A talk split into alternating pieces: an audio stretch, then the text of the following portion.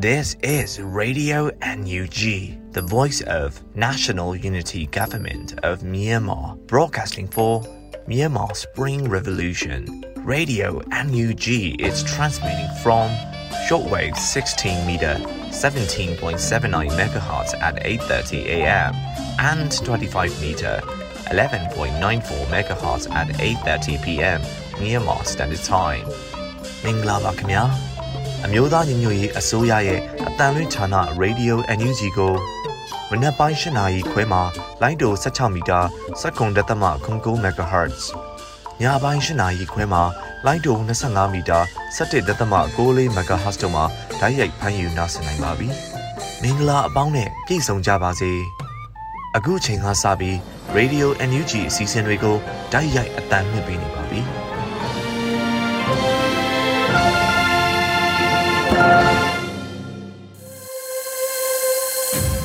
နံနက်ခင်းပါရှင်ရေဒီယို NUG ဝန်ထမ်းဆင်နေကြတဲ့မိဘပြည်သူများနဲ့မြန်မာနိုင်ငံသူနိုင်ငံသားအပေါင်းတဘာဝဘေးဆရာနာရှင်ဘေးတို့ကနေကင်းဝေးပြီးကိုစိတ်နှပါဘေးကင်းလုံခြုံကြပါစေလို့ရေဒီယို NUG အဖွဲ့သားများကဆုတောင်းမြတ်တာပို့သလိုက်ပါတယ်ဒီကနေ့အောက်တိုဘာလ25ရက်နေ့ရေဒီယို NUG ရဲ့မနက်ခင်းအစီအစဉ်လေးကိုစတင်ထုတ်လွှင့်ပေးတော့မှာဖြစ်ပါတယ်ပထမဆုံးအနေနဲ့ပြည်တွင်းသတင်းများကိုတော့လွတ်လပ်နေဦးမှဖတ်ကြားတင်ပြပေးတော့မှာဖြစ်ပါတယ်ရှင် မင်္ဂလာပါခင်ဗျာအခုချိန်ကစပြီးရေဒီယို UNG ရဲ့အော်တိုဘာလ25ရက်နေ့မနက်ပိုင်းပြည်တွင်းသတင်းများကိုစတင်ကြီးညာပါတော့မယ်ကျွန်တော်ကလွတ်လပ်နေဦးပါခုခံတော်လန်စစ်အရှိန်ရလာတဲ့နဲ့မျှတိုင်းသားမဟာမိတ်ဆက်ဆံရေးအတိမ်ဆောင်ခံရမရဘဲပုံမပူပေါင်းရန်လိုအပ်လာတယ်လို့ယာယီသမရပြောကြားလိုက်တဲ့သတင်းနဲ့စတင်ပါမယ်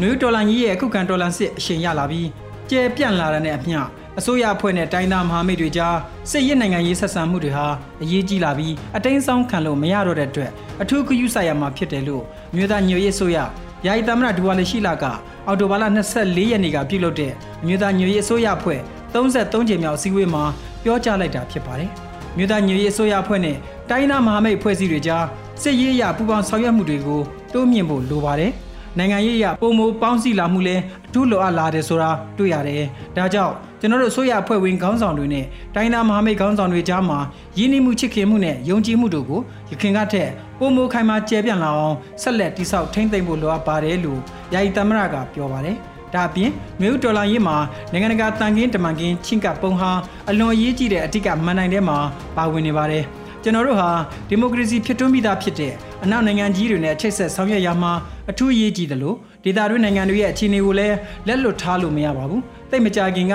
EU Appeal Letter ကိုတော်လိုင်းအင်အားစုတွေကြားမှာပူးတွဲထုတ်ပြန်နိုင်မှုဟာနွေဦးတော်လိုင်းရေးမှာမှတ်ကြောက်တင်ထိုက်တဲ့တန်တမာရေးရအောင်မြင်မှုတစ်ခုဖြစ်ပါတယ်။ဒါ့အပြင် EU နိုင်ငံတွေအနေနဲ့လည်းအထူးအလေးထားဖို့ကျွန်တော်တို့ဘက်ကတိုက်တိုက်တွန်းတွန်းဆောင်ရွက်ဖို့လိုပါတယ်လို့ယာယီသမရကပြောကြားခဲ့ပါတယ်။အဓိကပြောချင်တဲ့အချက်ကတော့အမျိုးသားညွရေးအစိုးရရဲ့ public relation လို့ခေါ်တဲ့ပြည်သူ့ဆက်ဆံရေးလုပ်ငန်းစဉ်တွေကို proactive ဖြစ်အောင်တိုးချဲ့လှုပ်ဆောင်သွားဖို့ဖြစ်ပါတယ်။ ဒီနေရာမှာအခြေခံအဖြစ်အပိုင်းနှစ်ပိုင်းရှိတယ်လို့ယူဆကြောင်းယာယီသမရကပြောပါတယ်။ပြည်တွင်းကိုဗဟိုပြုတဲ့ချင်းကပ်မှုနဲ့ပြည်ပကိုဗဟိုပြုတဲ့ချင်းကပ်မှုတွေရှိပါတယ်။ဒါ့အပြင်လူထုကိုဥတီချက်ထားတဲ့လူထုဗဟိုပြုဆက်သွယ်ဆောင်ရွက်ရေးနည်းလမ်းတွေနဲ့သက်ဆိုင်ရာ stakeholder တွေကိုဥတီချက်ထားတဲ့ဆက်သွယ်ရေးဗျူဟာတွေရှိနေပါလိမ့်မယ်။ဒါတွေကိုကဏ္ဍလိုက်တိုးချဲ့လှုပ်ဆောင်ဖို့လဲပြောကြားခဲ့ပါတယ်။ဒီနေရာမှာအထူးတတိပြုပြောချင်တာကတော့လူထုနယ်ပဲဖြစ်ဖြစ် သက်ဆိုင်ရာအစုအဖွဲ့တွေအဖွဲ့အစည်းတွေနဲ့ပဲဖြစ်ဖြစ်ဆက်သွယ်ဆောင်ရွက်ရမှာလင်းနန္တာထစ်တွေးခေါ်တာမျိုးအပြုအမူမျိုးတွေကိုအလေးနဲ့ထားရှောင်ရှားကြဖို့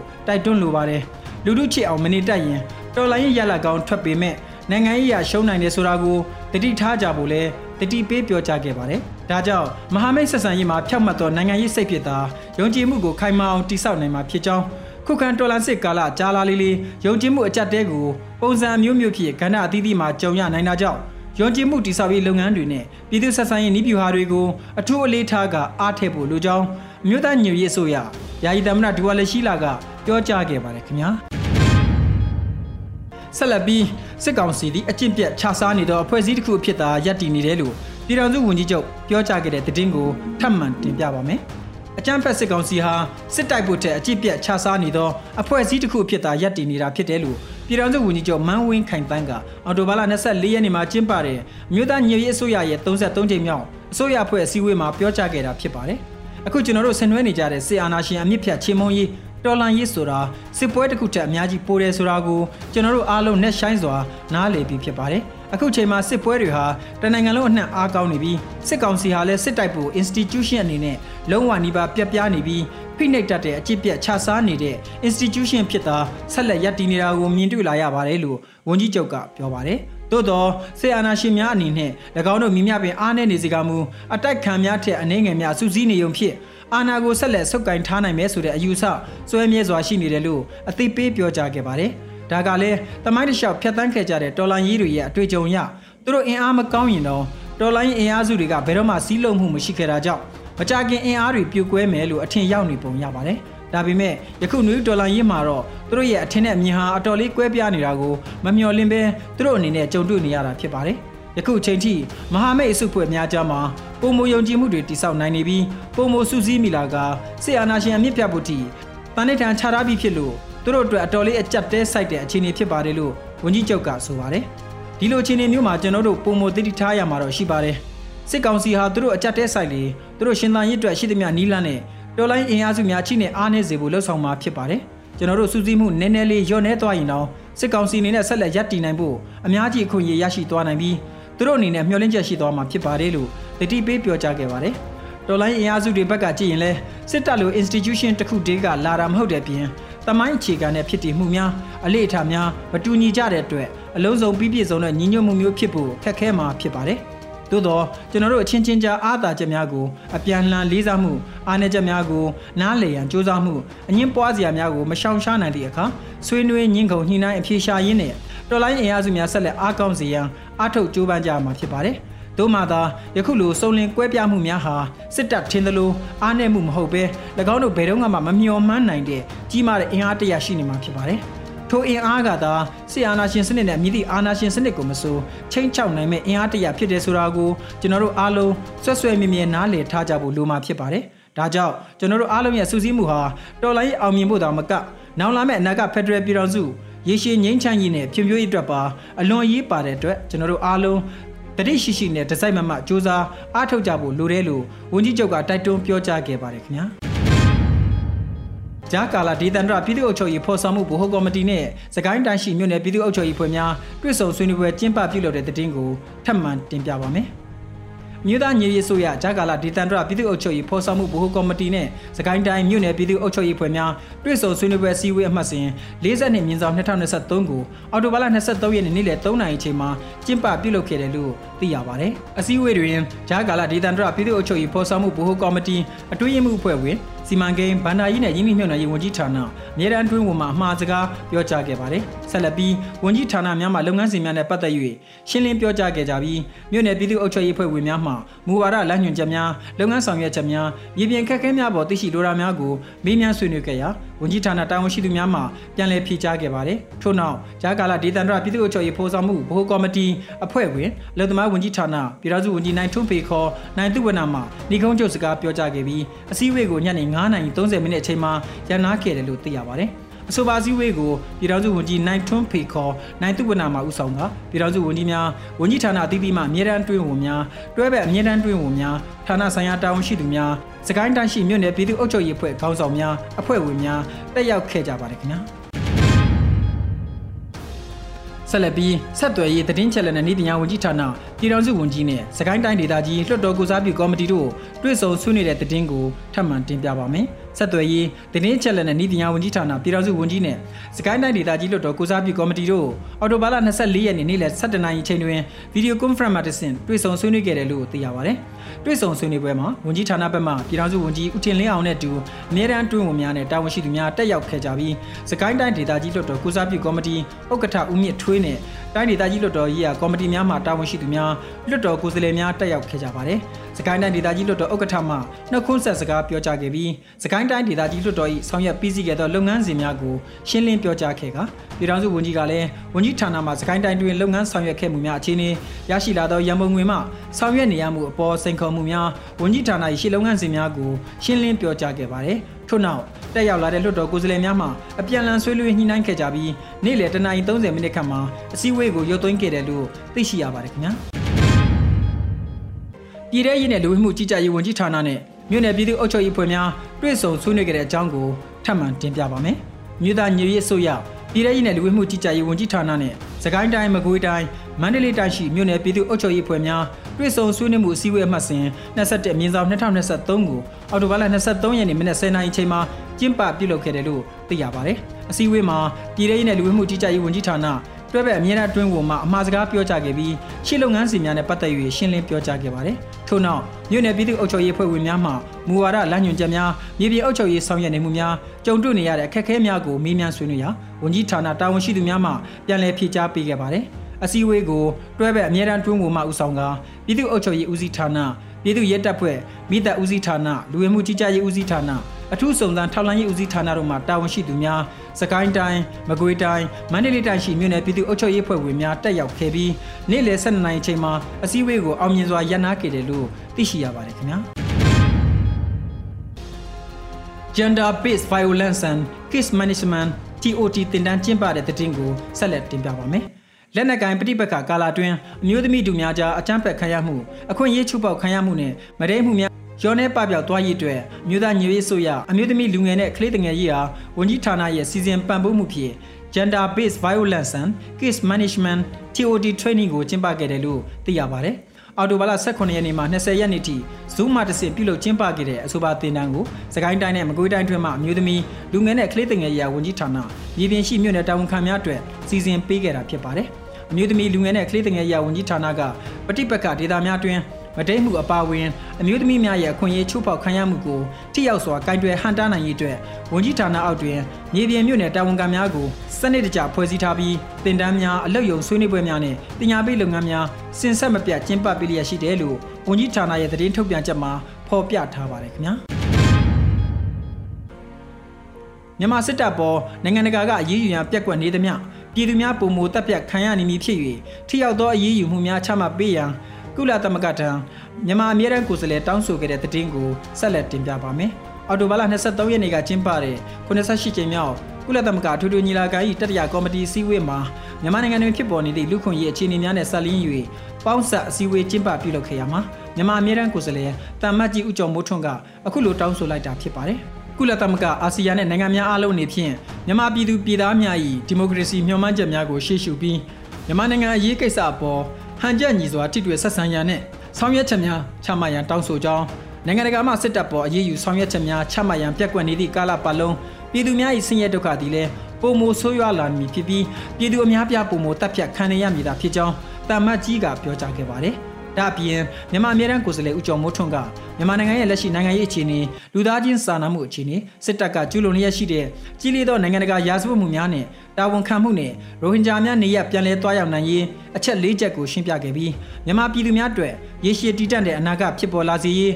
ဖြည့်ရှင်းပေးနိုင်မယ့်နည်းလမ်းနှစ်သွယ်ကိုလည်းရှင်းလင်းပြောကြားခဲ့တယ်လို့သိရပါတယ်။ မြန်မာပြည်သူများကစစ်အာဏာရှင်စနစ်အားခုခံတော်လှန်နေခြင်းသည်အိန္ဒိချင်းနိုင်ငံများအတွက်သာမကညီသည့်နိုင်ငံ၏အကျိုးစီးပွားကိုမှထိပါစေမည်မဟုတ်ကြောင်းတို့ရာတွင်တရားမဝင်စစ်အာဏာသိမ်းမှုကြောင့်မူဒေတာတွင်းသို့စိုးရိမ်ပွဲကောင်းသောအကျိုးသက်ရောက်မှုများဖိတ်ဆင်နေပြီဖြစ်ကြောင်းထို့ကြောင့်မြန်မာနိုင်ငံရေးကိစ္စအားရေရှည်တည်တံ့သောနည်းလမ်းဖြင့်ဖြည့်ရှင်းခြင်းကသာအားလုံးအတွက်အကောင်းဆုံးအကျိုးစီးပွားဖြစ်ထွန်းစေမည်ဖြစ်ကြောင်းတို့ဖြစ်ပါ၍ကုလသမဂ္ဂအာဆီယံနှင့်နိုင်ငံများအားလုံးနေဖြင့် မြန်မာပြည်သူပြည်သားများ၏ဒီမိုကရေစီမျှော်မှန်းချက်များကိုရှေ့ရှုလျက်မြန်မာနိုင်ငံအရေးကိစ္စပေါ်ဟန်ချက်ညီစွာထိတွေ့ဆက်ဆံရန်နဲ့ဆောင်ရွက်ချက်များချမှတ်ရန်တာမတ်ကြီးကတောင်းဆိုခဲ့ပါတယ်။နိုင်ငံတကာကမြန်မာစစ်တပ်ပေါ်အရေးယူဆောင်ရွက်ချက်များချမှတ်ရန်ပြက်ကွက်နေသည့်ကာလပတ်လုံးပြည်သူများ၏ဆင်းရဲဒုက္ခသည်လည်းပုံမိုဆိုးရွားလာနေမည်ဖြစ်ပြီးပြည်သူအများပြပုံမိုတက်ပြတ်ခံနေရမည်သာဖြစ်ကြောင်းကုလသမဂ္ဂ အထူးသဖြင့်လုံခြုံရေးကောင်စီနေဖြင့်ထိရောက်မှုရှိသောအရေးယူဆောင်ရွက်ချက်များကိုယခုပြင်ချမှတ်ရန်လိုအပ်ကြောင်းလဲတာမတ်ကြီးကတိုက်တွန်းပြောဆိုခဲ့ပါတယ်ခင်ဗျာ။ဆက်လက်ပြီးထောင်ဝင်စာလူချင်းတွေ့ခွင့်ပြန်ဖွင့်ပေးခဲ့ပေမဲ့နိုင်ငံတော်၏တိုင်ပင်ခံပုဂ္ဂိုလ်နဲ့သူမ၏ရှေ့နေဖွဲ့တွေ့ဆုံခွင့်ကိုစစ်ကောင်စီက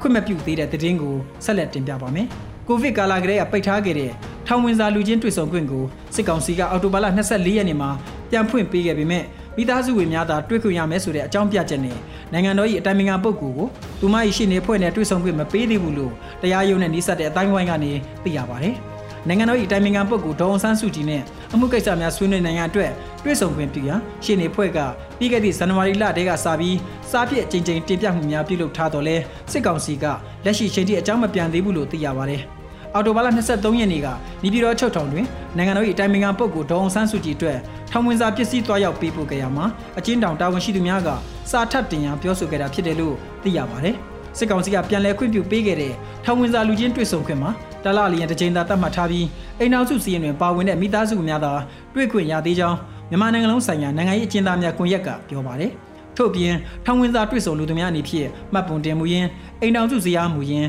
တပတ်တွင်းပြုလုပ်ထားသည့်ရက်ွက်ထောက်ကန်စာ ရဲစခန်းထောက်ကန်စာကိုဗစ်ကာကွယ်ဆေးထိုးနှံပြီးစီးကြောင်းအထောက်ထားစတာတွေကိုယူဆောင်လာဖို့လိုအပ်ကြောင်းလည်းသိရပါတယ်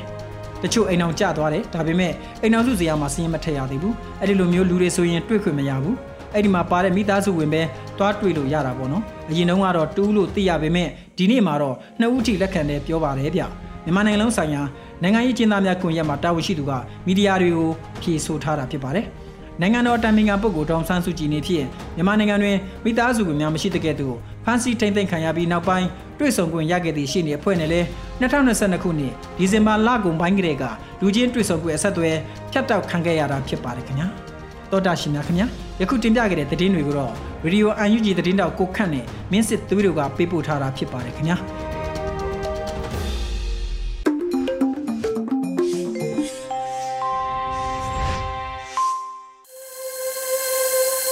ရေဒီယိုအန်ယူဂျီမှဆက်လက်အသံလွှင့်ပေးနေပါတယ်။အခုတစ်ခါမှာတော့နေသွင်းတိုင်းရေးသားထားပြီးညွှန်မှုခန်းစားရွတ်ဆိုထားတဲ့အယုတ်ကျိုးပြတ်သတင်းရုပ်သံလို့အမည်ရတဲ့တော်လိုင်းကြီးကြပြကိုနားဆင်ရမှာဖြစ်ပါရဲ့ရှင်။အယုတ်ကျိုးပြတ်သတင်းရုပ်သံတငယ်ချင်းဖယားကိုဓားလောက်ငါမကိုးကွယ်တော့တန်တရာမှာငရဲလန်းဆိုတယ်ပြက်စုတ်ပါမှာဓားထမ်းပြီးနှွေစကန်းစီသွားတော့မယ်တဲ့ အဝတ်တထဲကိုတခုဟာတိုင်းပြည်တစ်ခုတိဆောက်တယ်လို့မိုးလင်းလို့တိုင်းပြည်တစ်ခုတိဆောက်တယ်လို့အိယာထားလို့နောက်ကျောမှာဘယ်တော့မှလက်နက်မချတက်တူးနဲ့ယုံကြည်ချက်စာအုပ်ကိုခါမှထိုးထားတဲ့တငယ်ချင်းပြန်မလာသူရဲ့တချင်းကိုဆိုပြီးပြန်မလာသူရဲ့လက်စာကိုရှာမိမင်းအမေတော့မင်းတရင်တေတယ်လည်းမသိမင်းတရင်ရှင်တယ်လည်းမကြား မင်းအမေအိမ်ရှိကချက်တကားမင်းပြန်လာမလားလို့တော့ပေါက်တန်လန်ချိတ်ထားတယ်ငါကတော့အဲ့ဒီနေ့ကငါအခန်းထဲကရုပ်တံကိုထုချေဖောက်ခွဲပစ်လိုက်တယ်နေသွင်းနိုင်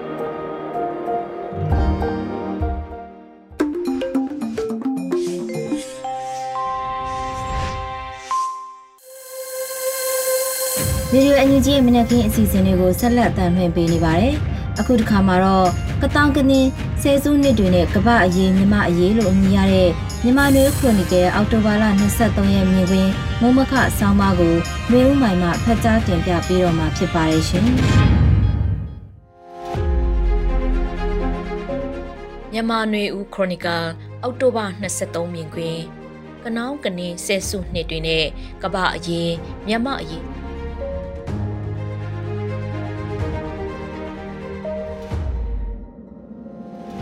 ပအရေးလို့ဆိုလိုက်လို့နိုင်ငံတကာအရေးကိစ္စကမ္ဘာအရေးကိစ္စတွေကိုလူတက်လုပ်ပြီးသုံးသပ်ဖို့ဆိုတာထက်မြန်မာနိုင်ငံရဲ့ပြဿနာတွေကြုံနေရချိန်မှာဆက်ဆက်နေတဲ့ကမ္ဘာအရေးနောက်ခံတဲ့နှိုင်းရှင်စဉ်းစားကြဖို့တွေးတောကြည့်မိတဲ့သဘောလေးဖြစ်ပါတယ်။ကမ္ဘာတခွင်လက်တလောဖြစ်ပျက်နေတဲ့အဖြစ်ပျက်တွေလာရလက်နက်ကင်ပြိပခ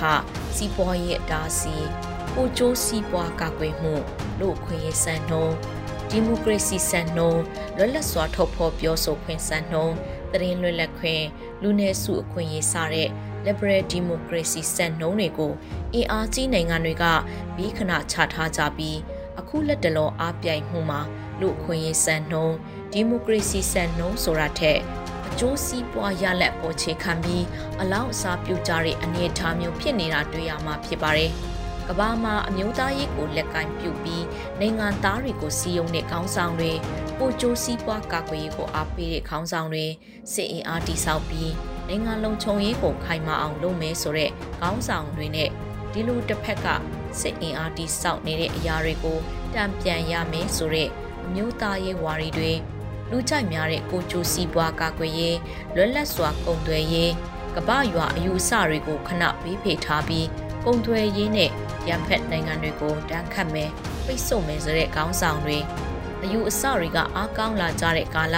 ဆယ်စုနှစ်တွေထဲကြာရောက်နေတဲ့သဘောလဲတွေ့ရမှာဖြစ်ပါတယ်။အမျိုးသားလုံခြုံရေးဆိုတဲ့စကားလုံးတွေကိုအသုံးချပြီးစီယုံတာတွေလူထုကိုခြောက်လန့်တိမ်သွင်းတာတွေလူနည်းစုရဲ့အခွင့်အရေးဆိုတာထက်လူများစုလုံခြုံရေးကပိုအရေးကြီးတယ်ဆိုတဲ့အယူဆတွေက လက်တွေ့အာဏာချိန်ခွင်ရှာညှိကြတဲ့အခါအနိုင်ရနေကြပြီးစစ်စရိတ်တွေတိုးမြင့်ကြလက်နက်တွေအလင်းမီအောင်ထုတ်လုပ်ဖို့ကြိုးစားနေကြရတဲ့ကာလထဲကြာရောက်နေတဲ့အနေအထားလည်းဖြစ်ပါတယ်ပထမကမ္ဘာစစ်ဒုတိယကမ္ဘာစစ်လိုစစ်ပွဲတွေကိုကိုယ်တိုင်တိုက်ခိုက်ကြတဲ့ခေတ်ကာလမျိုးမဟုတ်တော့ဘဲစစ်တိုက်ဖို့စိတ်အားထက်သန်တဲ့နိုင်ငံတွေကိုတိုက်ခိုက်အောင်လက်နက်ထောက်ပံ့ပြီးမိမိရဲ့ရန်သူနိုင်ငံတွေကိုစစ်ပွဲတဲ့ဆွဲနှိမ်ရင် အင်အားချိနေအောင်လုပ်ကြတဲ့ကာလမျိုးခေတ်မျိုးရောက်နေတာလည်းဖြစ်ပါတယ်။ပထမနဲ့ဒုတိယကမ္ဘာစစ်တွေတုန်းကကမ္ဘာနိုင်ငံရေးကတမယိုးကြနိုင်ငံရေးမျိုးတဲမှာသာရှိနေကြတာဖြစ်လို့တဆင့်ကစစ်ပွဲတွေအငှားစစ်ပွဲတွေမပေါ်ပေါက်သေးတဲ့ကာလဖြစ်ပါတယ်။မဟာမိတ်ဖွဲ့ဖို့စစ်ပွဲတွေပါဝင်လာဖို့စီယုံနာတွေရှိကြပေမဲ့မိမိတို့နဲ့အကျိုးစီးပွားဆန့်ကျင်ဖက်ပြိုင်ဖက်တွေကိုအတဲလင်းတိုက်ခိုက်ကြတာမျိုးဖြစ်ခဲ့တာပါ အခုခေတ်မှာတော့ဝါရဖြန့်ချီရေးစစ်ပွဲစီးပွားရေးပိတ်ဆို့မှုစစ်ပွဲတွေကလက်နက်ကင်စစ်ပွဲတွေမရှိသည့်အတိုင်းဖြစ်ပွားနေကြပြီးလက်နက်ကင်တိုက်ပွဲတွေဖြစ်ဖို့လဲအားပေးအားမြောက်ပြုကြတဲ့သဘောလေးဖြစ်ပါတယ်ကဘာမှာရွေးကောက်ပွဲနဲ့အာဏာရလာကြတဲ့ဆိုတဲ့အစိုးရတိုင်းလဲဒီမိုကရေစီအစိုးရလူအခွင့်အရေးလူနည်းစုအခွင့်အရေးဒီမိုကရေစီစံနှုန်းလူသားချင်းစာနာမှုစံနှုန်းတွေကို လေးစားထံပိုးထားတဲ့အစိုးရလို့သတ်မှတ်လို့မရတဲ့အခြေအနေဖြစ်ပါတယ်။ယမန်နှစ်ဆန်းမှာဥရောပမှာစတင်ဖြစ်ပွားတဲ့ယူကရိန်းရုရှားစစ်ပွဲက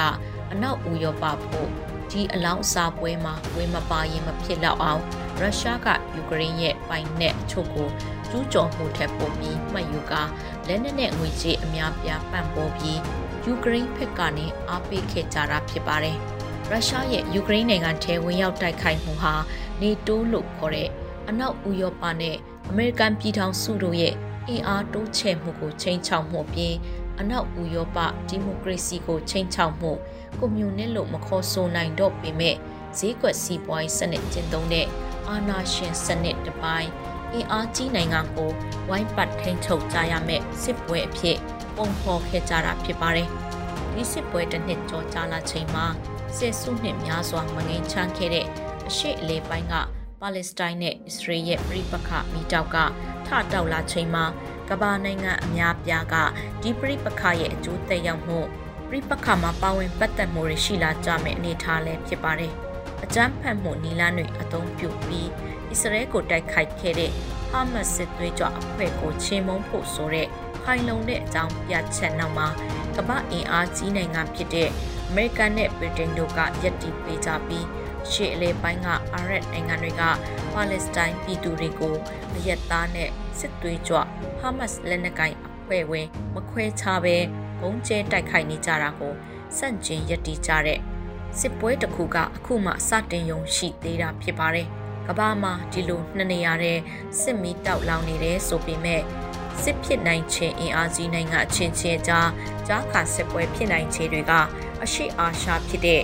ထိုင်ဝမ်အရေးကိစ္စလို့တောင်တရုတ်ပင်လယ်ကကျွန်းတွေရဲ့ပိုင်ဆိုင်မှုနဲ့ပတ်သက်လို့ဖိလစ်ပိုင်နဲ့တရုတ်နိုင်ငံအရေးကိစ္စလိုမျိုးတွေလည်းအရာအဖြစ်ဖြစ်တွေဖြစ်ရှိနေကြတာတွေ့ရမှာဖြစ်ပါတယ်။ကဘာကြီးက20ရာစုနှောင်းပိုင်းနဲ့21ရာစုဝင်ရောက်စကာလတွေကလုံးကဘာကြီးဟာလစ်ဘရယ်နိုင်ငံရဲ့အယူဆဈေးကွက်စီးပွားရေးစနစ်လူအခွင့်အရေးတိုးတက်ဖွံ့ဖြိုးလာတဲ့အင်တာနက်နဲ့ကဘာရွာအယူအဆတွေခက်စားကာစကာလလုံး အနာဂတ်ကိုအကောင်းမြင်မျှော်လင့်စရာအခြေအနေမျိုးမဟုတ်တော့ပါဘူးတိုးတက်လာတဲ့နည်းပညာတွေကိုမိမိတို့နိုင်ငံအတွင်းမိမိတို့အုပ်စုနိုင်ငံတွေအတွင်းကန့်သက်သုံးစွဲဖို့ခက်မင်နည်းပညာပစ္စည်းတွေကိုနိုင်ငံရေးအရာမဟာမိတ်မဟုတ်တဲ့နိုင်ငံတွေစီမယောင်းချဖို့ကန့်သက်ချက်တွေကိုကျိုးစီးပွားကာကွယ်ရေးမူဝါဒတွေကမ္ဘာအနှံ့ဖြတ်ချက်ထားတဲ့ရင်းနှီးမြှုပ်နှံမှုတွေအနဲ့ ဤပညာဆိုင်ရာပစ္စည်းထုတ်လုပ်မှုတွေကိုပြန်လည်စုစည်းရွှေ့ပြောင်းလုပ်ကင်ဖို့မူဝါဒချမှတ်ကြတဲ့ကာလစီဥတည်နေကြတာဖြစ်ပါတယ်။မြန်မာနိုင်ငံအနေနဲ့မိမိတို့ပြည်တွင်းကစစ်အာဏာရှင်နဲ့ဒီမိုကရေစီတိုက်ပွဲတွေနစ်မြုပ်နေပြီးကမ္ဘာအရေးတွေထဲပါဝင်ဖို့အင်အားဩဇာမရှိတာမှန်ပေမဲ့လည်းမြန်မာအရေးမှာပါဝင်ထောက်ခံအားပေးနေကြတဲ့နနိုင်ငံတွေကလက်ရှိကဘာကြီးရဲ့ဟိုတနေရာဒီတနေရာမှာဖြစ်ပွားနေတဲ့ ပြိပခတွေမှာပါဝင်ပတ်သက်သူတွေဖြစ်နေကြတာဖြစ်ပါတယ်။ဒီလိုကဘာအရေးတွေပိုပြီးရှုပ်ထွေးလာခြင်းကြောင့်မြန်မာအရေးကိုတတ်တတ်မှတ်မှတ်အားပေးထောက်ခံဖို့အခွင့်အလမ်းလျှော့ချလာနိုင်တာလည်းရှိနေသလိုကမ္ဘာအရေးတွေမှာမိမိတို့နဲ့မဟာမိတ်အဖွဲ့အစည်းနိုင်ငံတွေကပြုတ်မှုကျင့်သုံးနေတာတွေနဲ့ပတ်သက်လို့လဲဝေဖန်ပြောဆိုဖို့ခက်ခဲတဲ့အခြေအနေတွေလည်းကြုံတွေ့ကြရနိုင်တာဖြစ်ပါတယ်။မိမိတို့ကင်ဆွဲတဲ့ လူအခွင့်အရေးစံနှုန်းလူနည်းစုအခွင့်အရေးကိုလေးစားအတိမတ်ပြုမှုရလက်အကျိုးစီးပွားထက်တရားမျှတမှုစံနှုန်းကိုဦးစားပေးမှုတွေကိုဘေးဖယ်မထားဖို့လည်းအရေးကြီးတာဖြစ်ပါတယ်။တော်လှန်ရေးလို့ဆိုရင်အာဏာရှင်စစ်အာဏာရှင်စနစ်တွေဝူကြဆိုမှုတဲ့အယူအဆတွေကိုတွန်းလှန်တယ်လို့ပဲအတွေးခေါ်တွန်းလှန်ရေးအယူအဆတွန်းလှန်ရေးကအသက်တမျှအရေးကြီးပြီးစံနှုန်းတွေကိုဘေးဖယ်ချမထားဖို့လဲအရေးကြီးတာဖြစ်ပါတယ်ရှင်။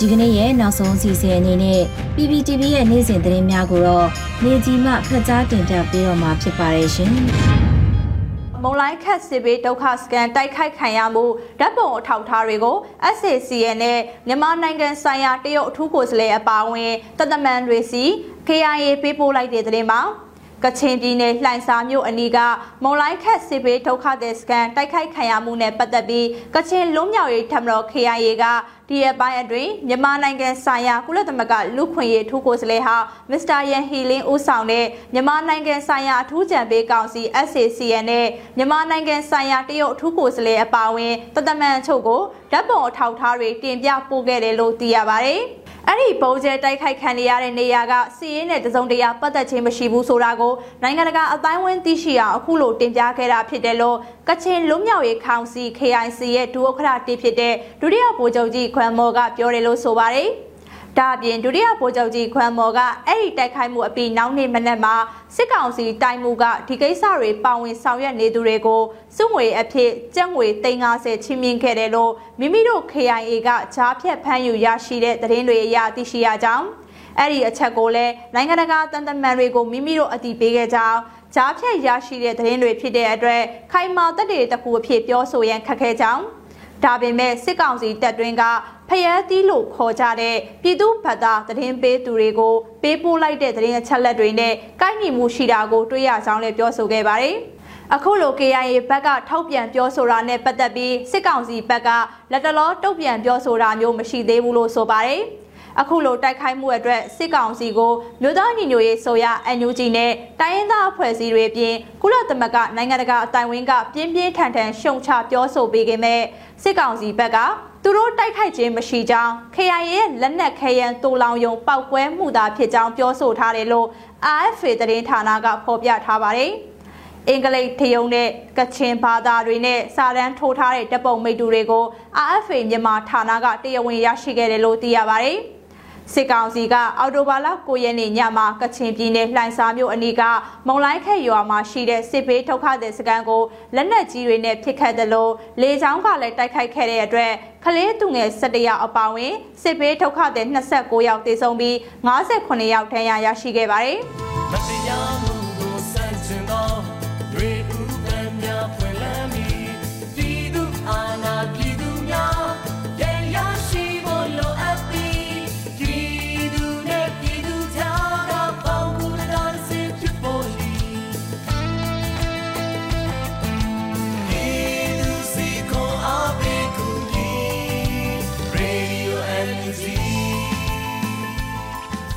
ကနေ့ကတော့ဒီညနေပဲ Radio NUG ရဲ့အစည်းအဝေးကိုခਿੱတရနာလိုက်ပါမယ်။မြန်မာစံတော်ချိန်မနက်၈နာရီခွဲနဲ့ည၈နာရီခွဲအချိန်တွေမှာပြန်လည်ဆုံးဖြတ်ကြပါစို့။ Radio NUG ကိုမနက်ပိုင်း၈နာရီခွဲမှာလိုင်းဒို16မီတာစက္ကန့်တသမ9 MHz ညပိုင်း၈နာရီခွဲမှာလိုင်းဒို25မီတာ17သမ6 MHz တို့မှာဓာတ်ရိုက်ဖမ်းယူနားဆင်နိုင်ပါပြီ။မြန်မာနိုင်ငံသူနိုင်ငံသားများကိုယ်စိတ်နှပြကျန်းမာချမ်းသာလို့ ဘေးကင်းလုံခြုံကြပါစေလို့ Radio NUG အဖွဲ့သူအဖွဲ့သားများကဆုတောင်းလိုက်ရပါတယ်။အမျိုးသားညီညွတ်ရေးအစိုးရရဲ့စက်သွေးရေးတရင်အချက်အလက်နဲ့ဤပညာဝန်ကြီးဌာနကထုတ်လွှင့်နေတဲ့ Radio NUG ဖြစ်ပါတယ်။ San Francisco Bay Area အခြေစိုက်မြန်မာမိသားစုများနဲ့နိုင်ငံတကာကစေတနာရှင်များလှုပ်အားပေးများရဲ့ Radio NUG ဖြစ်ပါတယ်